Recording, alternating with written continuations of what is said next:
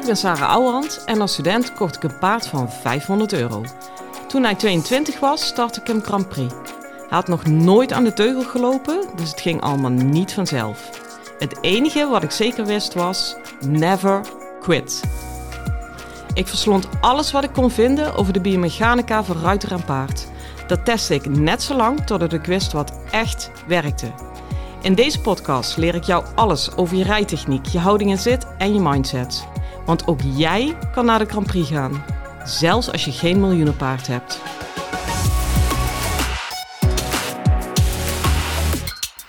Hey lieve paardenmensen, jongens, ik klink een beetje hol. Het is een uh, soort van noodgedwongen, want uh, we hebben echt uh, een situatie hier op stal. Het is namelijk zo, we hebben kortsluiting gehad en beheerlijk. Het, het hele pand lag eruit. Nou, ik kwam al uh, thuis. Weet je, kijk die momenten dat je denkt: oké, dan kom ik thuis en dan wil ik echt even helemaal niks meer. Nou, die vlieger ging dus echt uh, mooi niet op, want mijn man stond met een lang gezicht op de oprit. Dus ik denk, nou, hier gaat al sowieso iets, iets niet goed, wat, whatever iets is. Toen bleken we inderdaad kortsluiting te hebben, echt over het hele pand. En uh, nou, alle groepen eruit, testen, testen, spelen, spelen. Nou, hey, wat blijkt? Er is kortsluiting in het paardengedeelte. Want mijn uh, paardenhal en kantine en alles ligt echt van het huis af. Is een aparte groep. En deze bofkont heeft gewoon daar een storing. Dan had ik, godzijdank, al al het stalwerk gedaan. Maar uh, mijn paarden liggen zo ongeveer om 7 uur vanavond op bed. Want uh, er is geen feestje meer, er is gewoon geen licht. En die bolle pony van mij die komt er al helemaal bekaaid vanaf. Want het zat in de planning om vrij zware training te gaan doen. Nou, dat, uh, die ligt inmiddels op bed. Dus die, misschien heeft hij het wel veroorzaakt, weet ik veel. Kortom, ik zit nou op mijn kantoortje. Normaal gesproken met uitzicht op de buitenbaan. Maar ja, in het donker zie je niet zoveel. En uh, nou, het is in ieder geval een mooi moment om me bezig te gaan houden met jullie.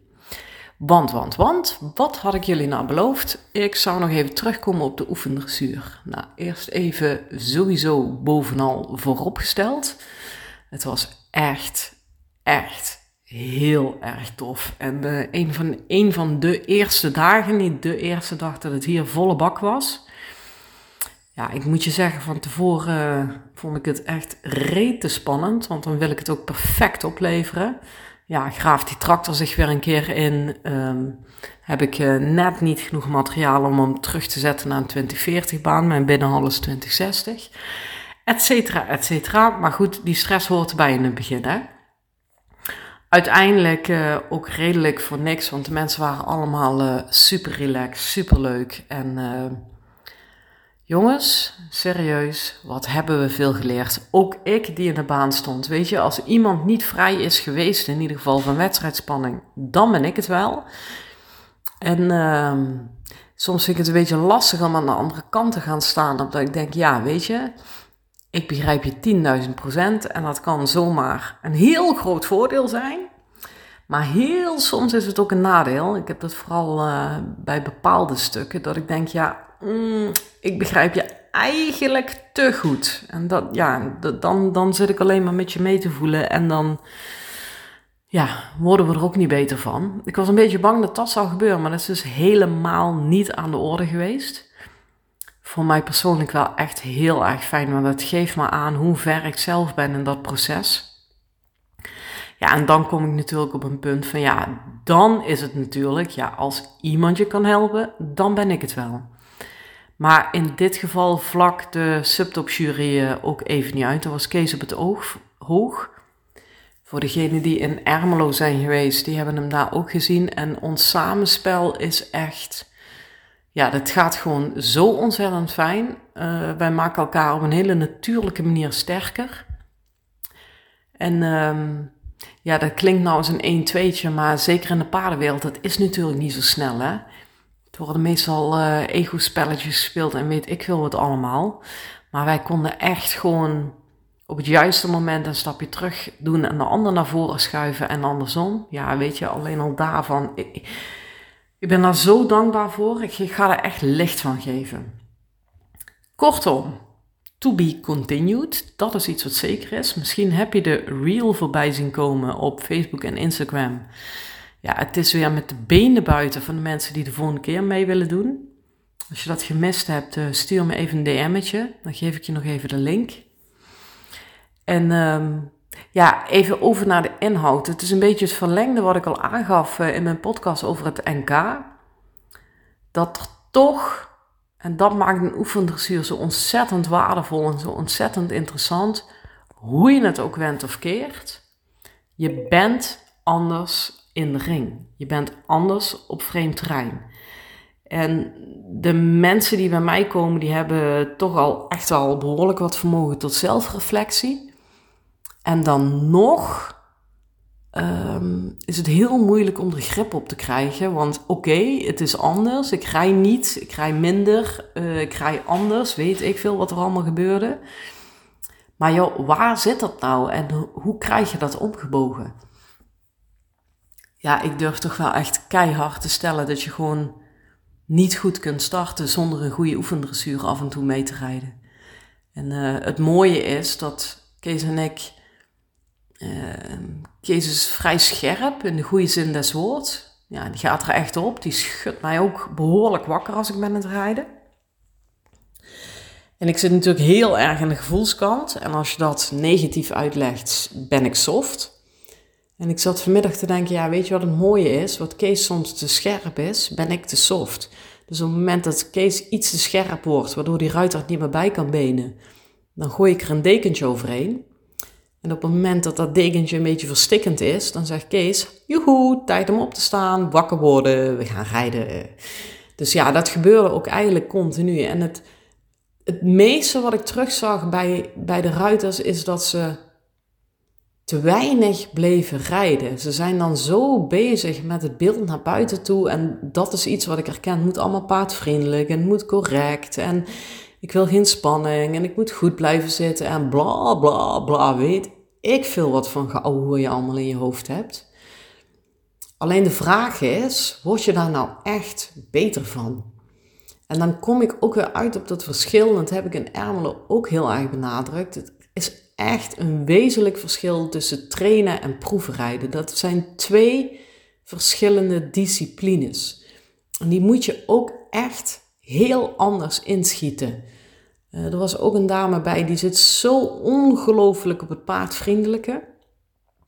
Wat mij betreft schiet ze er af en toe een beetje in door, met alle goede bedoelingen. Um, maar dan kijk ik naar zijn proef, denk ja, weet je, paardvriendelijk, paardvriendelijk, maar onder de streep rij je niet meer en bewerk je hem niet en hou je hem dus niet goed in zijn lijf. En is dat dan, als je heel kritisch kijkt, is dat dan nog wel zo paardvriendelijk? En dit, dit klinkt allemaal wat zwaar, want als iedereen zo reed en zo met de paard omging, dan uh, had ik de helft nog maar aan werk. Uh, nou ja, trouwens misschien wel meer werk, want dan kwamen ze wat meer naar mij. Maar zo gek veel was er ook bij proef niet aan de hand. Maar even om bij die gedachten stil te staan. Het is allemaal, iedereen was bezig met de beeldvorming naar buiten toe.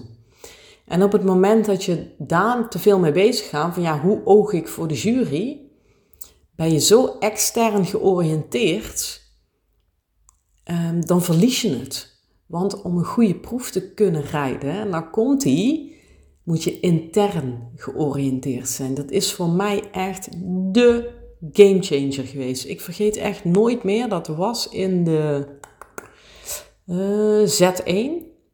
Toen had ik een keer bij een jury gereden. Nou, ik vond stik goede proef, helemaal blij, joepie joepie. Kwamen de punten, doef. Nou, dat was dus echt zes keer niks. En uh, zeker toen was ik nog wat jonger en veel temperamentvoller. Dus hier te breed, daar te lang, verontwaardigd en wat een lul. En nou, hè, dat allemaal. En toen was ik anderhalve maand later, of twee maanden later, ging ik weer een keer starten. En toen stonden de jury's erbij en toen had ik gezien dat ik hem weer had.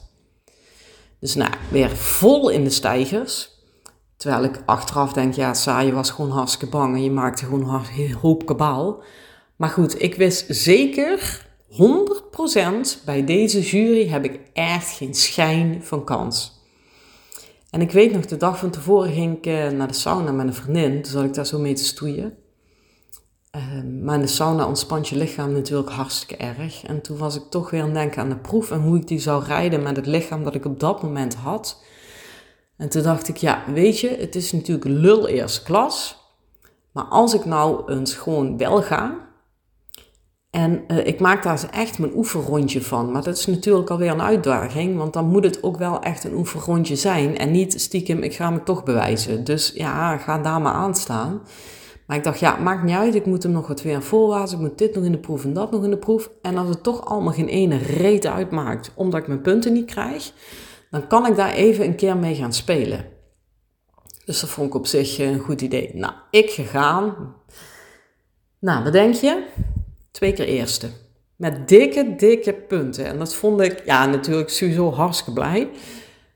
Maar ja, weet je, dat is op zo'n moment ook zo confronterend. Want ik dacht, ja, juffrouw Ouwehand, zou het werkelijk aan de jury hebben gelegen? Want jij laat echt alles los, alle resultaatgerichtheid. En je rijdt twee keer eerst en ineens punt hij wel. En ik denk dat dat niet aan de beste man heeft gelegen dat ik in het begin weinig punten had. Ehm, ja, allemaal dit in verschillende varianten heb ik voorbij zien komen. Dat mensen gewoon niet meer eraan durven komen, niet durven rijden, uh, niet in een hoek even kunnen zeggen: jong, weet je, even die buitenteugel. Of als ik het even heel onorthodox mag zeggen, prik hem net even een keer op in die hoek. Dan heb je dadelijk een super scherpe schouder binnenwaarts. Mensen zitten al maar een beetje te zitten. En uh, ja, we hebben ze dus echt, echt aan het rijden gekregen. En daar echt iedere keer op het moment dat ze stopten met rijden, hebben we geroepen volte. Nou, op die volte moest je regelen wat je moest regelen en dan opnieuw die oefening inzetten. Dat, dat je gewoon gedwongen werd om, in het rijden te komen. Um, en dit, klinkt eigenlijk ook niet goed, dat je gedwongen wordt om in het rijden te komen, want dat is ook weer alleen maar strak worden. Um, maar gewoon autonomie behouden in de ring. Misschien is dat het wel. En wat Kees dan heel erg fijn kan, en ik moet zeggen, daar heb ik ook ongelooflijk veel aan gehad voor mijn eigen Grand Prix debuut.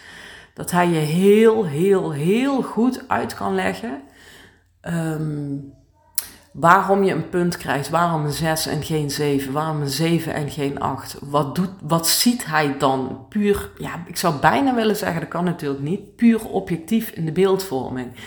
Um, hoe verbeter je het? En echt niet op een hele moeilijke manier, maar um, ja, kijk bijvoorbeeld een schouder binnenwaarts, een 6, om bij dat voorbeeld te blijven.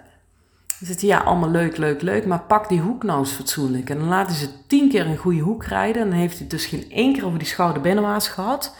Heeft hij gezegd, oké, en nu als je de volgende scherpe hoek hebt, zet je meteen daarna een schouder binnenwaarts in. Ja, het scheelt gewoon minstens één punt, misschien wel twee. En op die manier heeft hij heel veel, ik zou bijna willen zeggen, trucjes. Um, ja, misschien is het in de proef ook wel deels een trucje. Trucje is natuurlijk hartstikke vloeken in de kerk. Maar dan kom ik weer uit bij dat, dat, dat trainen en proefrijden twee verschillende disciplines zijn.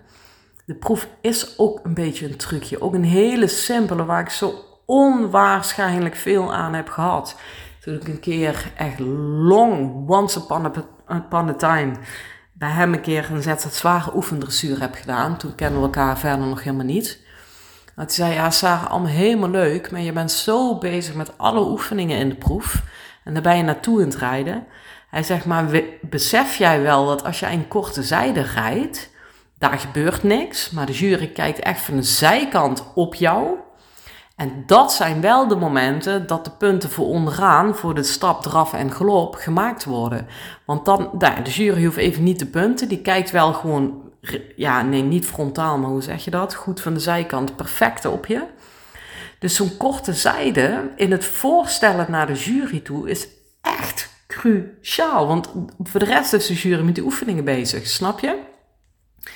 Nou jongens, ik kan je vertellen, als ik iets kan rijden sindsdien, zijn het mijn korte zijdes. Ik, ik zet de mijne met de snuffer tegen de muur aan de hoek in. Dan draai ik super scherp. Door die super, super scherpe draai pak ik hem super strak op het achterbeen. En dan geef ik hem nog een tik achteraan. Ja, dan, dan stijgt hij nog een keer op op de korte zijde. Ook omdat het gewoon zo'n fijne uh, lengte is. Kijk, een hele lange zijde uh, wordt dat allemaal moeilijker om eraan te rijden. Maar zo'n korte zijde kun je vrij makkelijk nelen ja, het zijn mijn beste, mijn beste lijntjes in mijn proef nu. Terwijl, ja, weet je, daar denk je helemaal niet aan. Je denkt van, poeh, korte zijde, even uitrusten. Zo was het ook bij mij van, ik hoef even niks. Nou, poe, poe, hè, hè. Maar ja, op daar laat ik hem helemaal instorten. Kom ik er niet meer aan. Denk, nou ja, als ik maar adem. En dan uit de hoek moet hij ineens weer wat doen. Dat klopt niet. Uh, en zo hebben eigenlijk echt, echt iedereen doorgezaagd.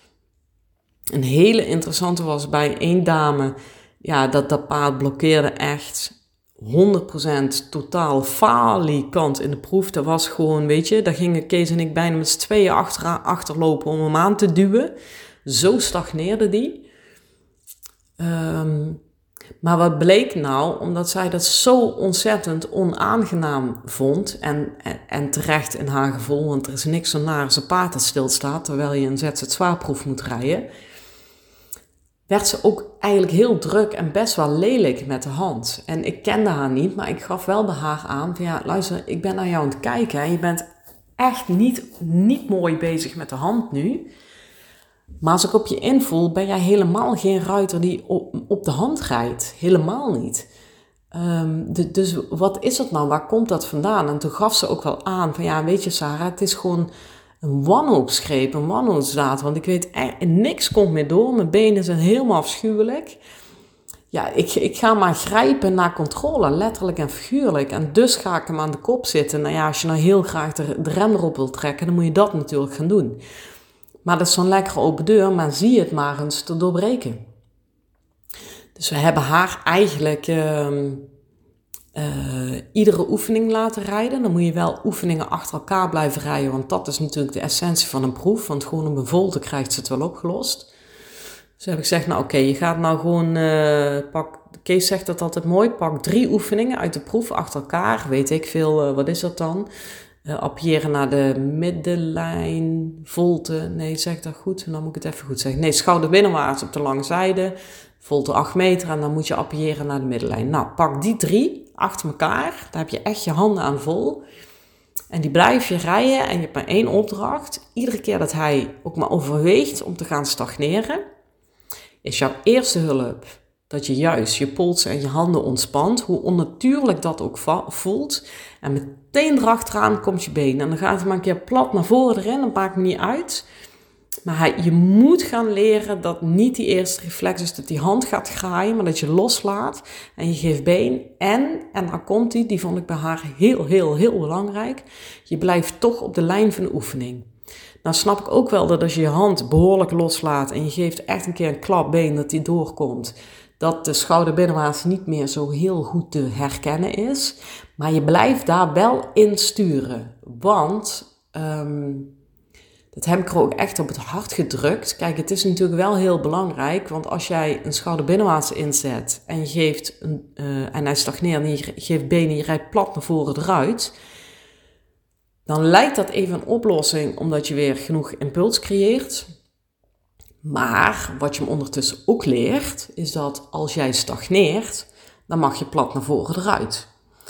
Dus dat zou zomaar als een beloning kunnen zijn, waardoor die denkt: oké, als ik vastloop in die oefening, dan knalt ze mij wel eruit en ben ik er ook vanaf. Dus even heel negatief over het paard gezegd, maar even gewoon pure psychologie. Wat leer je een paard nou echt? Dus daarom hebben we er ook echt verplicht. Je blijft op het proeflijntje. Hoe lelijk ook, hoe niet te herkennen ook, maar je blijft erop sturen dat hij zeker weet: ik heb geen escape op de instructies naar die oefening toe. En ondertussen zit je er als een mongooltje op met je armen en je handen en je geeft alleen een flinke dotbeen en kijk maar waar je uitkomt. Ja, dat, dat doe je natuurlijk niet in de echte proef.